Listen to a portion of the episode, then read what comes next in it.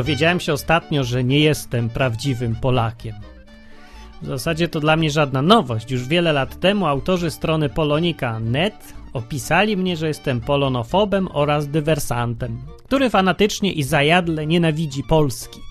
Wiedzą to wszystko od niejakiej pani Jadwigi Odrowąż-Pieniążek, która przygotowała na mnie bardzo zgrabny donosik. Skąd o tym wiem? Bo to ja byłem panią Jadwigą Odrowąż-Pieniążek i ja ten donos pisałem. Tak dla jaj, żeby dowieść ostatecznie i ponad wszelką wątpliwość, że ci ludzie są pomyleni. No, ale ostatnio natężenie oskarżeń o antypolskość gwałtownie się nasila. Nie wiem, może to wzrasta ilość pomylonych, a może po prostu niektórzy dopiero swoje pomylenie odkrywają. Faktem jest, że o ile kilka lat temu, żeby zasłużyć na miano antypolaka, trzeba było napisać na siebie donos, o tyle dziś wystarczy tylko głośno powiedzieć, że to nie Ruscy w Smoleńsku zamordowali prezydenta. Tylko samolot się rozbił, z tego samego powodu, z jakiego w PKP deska od kibla zawsze opada, bo to Polska właśnie. I wtedy już wiadomo, że taki ktoś jest polonofobem, dywersantem, zdrajcą, świnią orwellowską i czym sobie kto jeszcze życzy. No bo skoro nie broni Polski przed ruskimi, to przecież zdrada jest oczywista. Jak powiedział Jezus, czemuż szukasz źdźbła w ruskim oku, a berki w swoim nie dostrzegasz? No nie do końca tak powiedział, ale sens ten sam. I przy okazji panującej nam miłościwie wojny polsko-ruskiej można zaobserwować wiele ciekawych zjawisk. Szczególnie widoczne jest sprzężenie między patriotyzmem a religijnością. Im więcej jednego, tym więcej drugiego. Ludzie, którzy co drugie słowo mówią Polska, co trzecie mówią Kościół. Dlaczego? Może dlatego, że cechy charakterystyczne polskiego zaangażowanego patrioty w dużym stopniu pokrywają się z cechami polskiego zaangażowanego katolika. I tak, mamy tu dogmatyzm, który przejawia się dopasowywaniem rzeczywistości do własnej wizji świata, nigdy odwrotnie. Mamy tu upolitycznianie, czyli robienie ze wszystkiego sprawy wspólnej. Zawsze my, nigdy ja. Mamy podział świata na my, to ci dobrzy, i oni, to ci źli.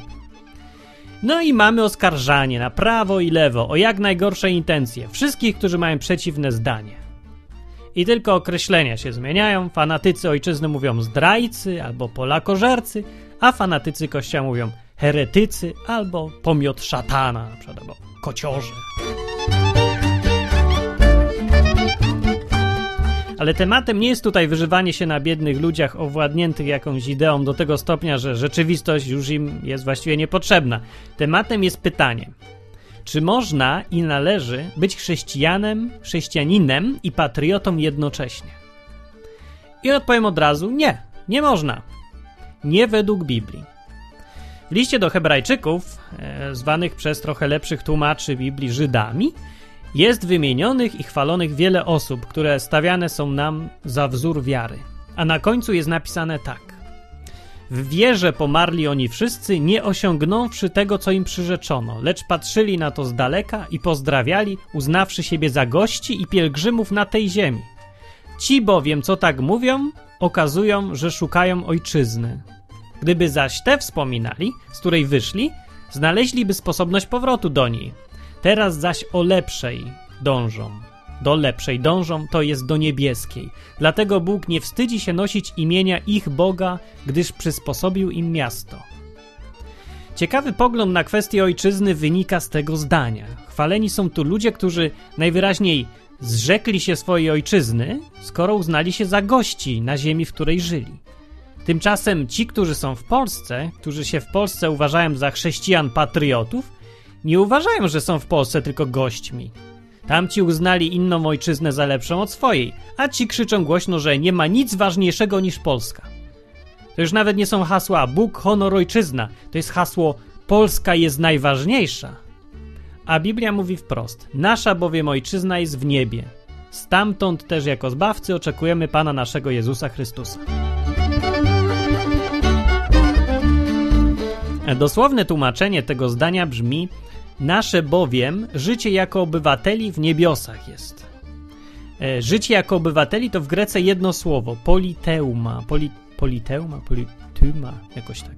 Można je czytelniej przetłumaczyć jako obywatelstwo, więc precyzyjniej oddając sens oryginału, to zdanie w Biblii brzmi nasze obywatelstwo to obywatelstwo nieba.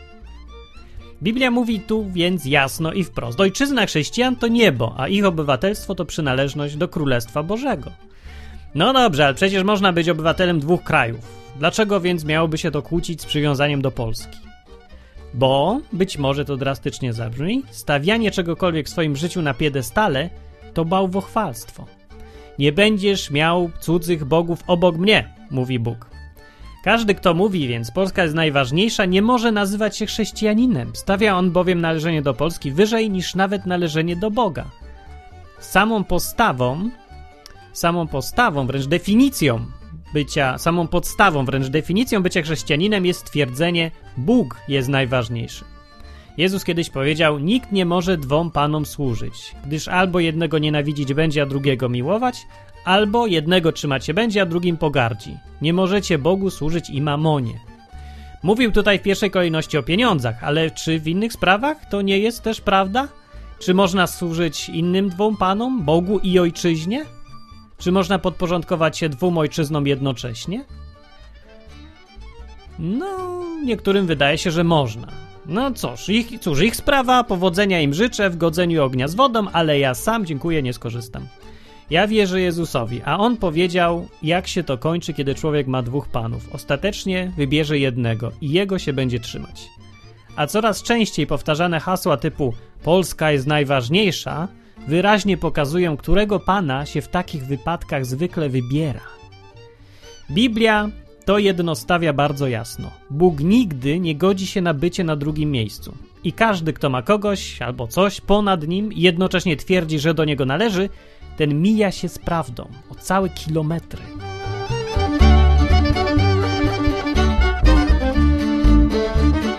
Biorąc to wszystko pod uwagę, coraz ciekawsze robi się obserwowanie polskich patriotów, którzy swoje chrześcijaństwo traktują jako część swojego patriotyzmu.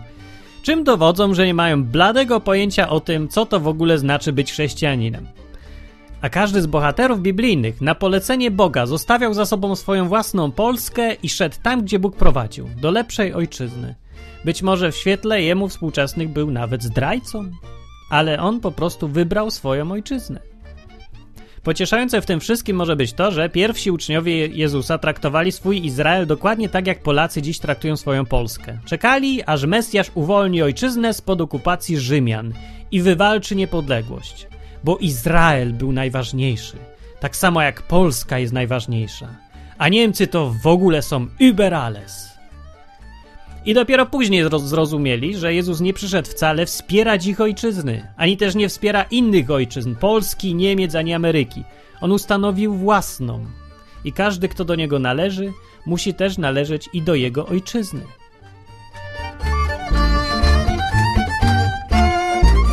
Cóż, w razie czego zawsze można się pocieszyć tym, że skoro nawet pierwsi apostołowie byli głupi, to z nami też nie jest źle.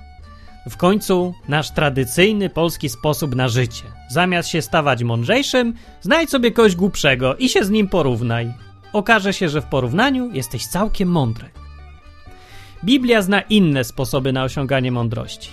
I myślę, że od tego wyboru między polską tradycją a biblijnymi naukami dobrze zacząć szukanie swojej własnej ojczyzny.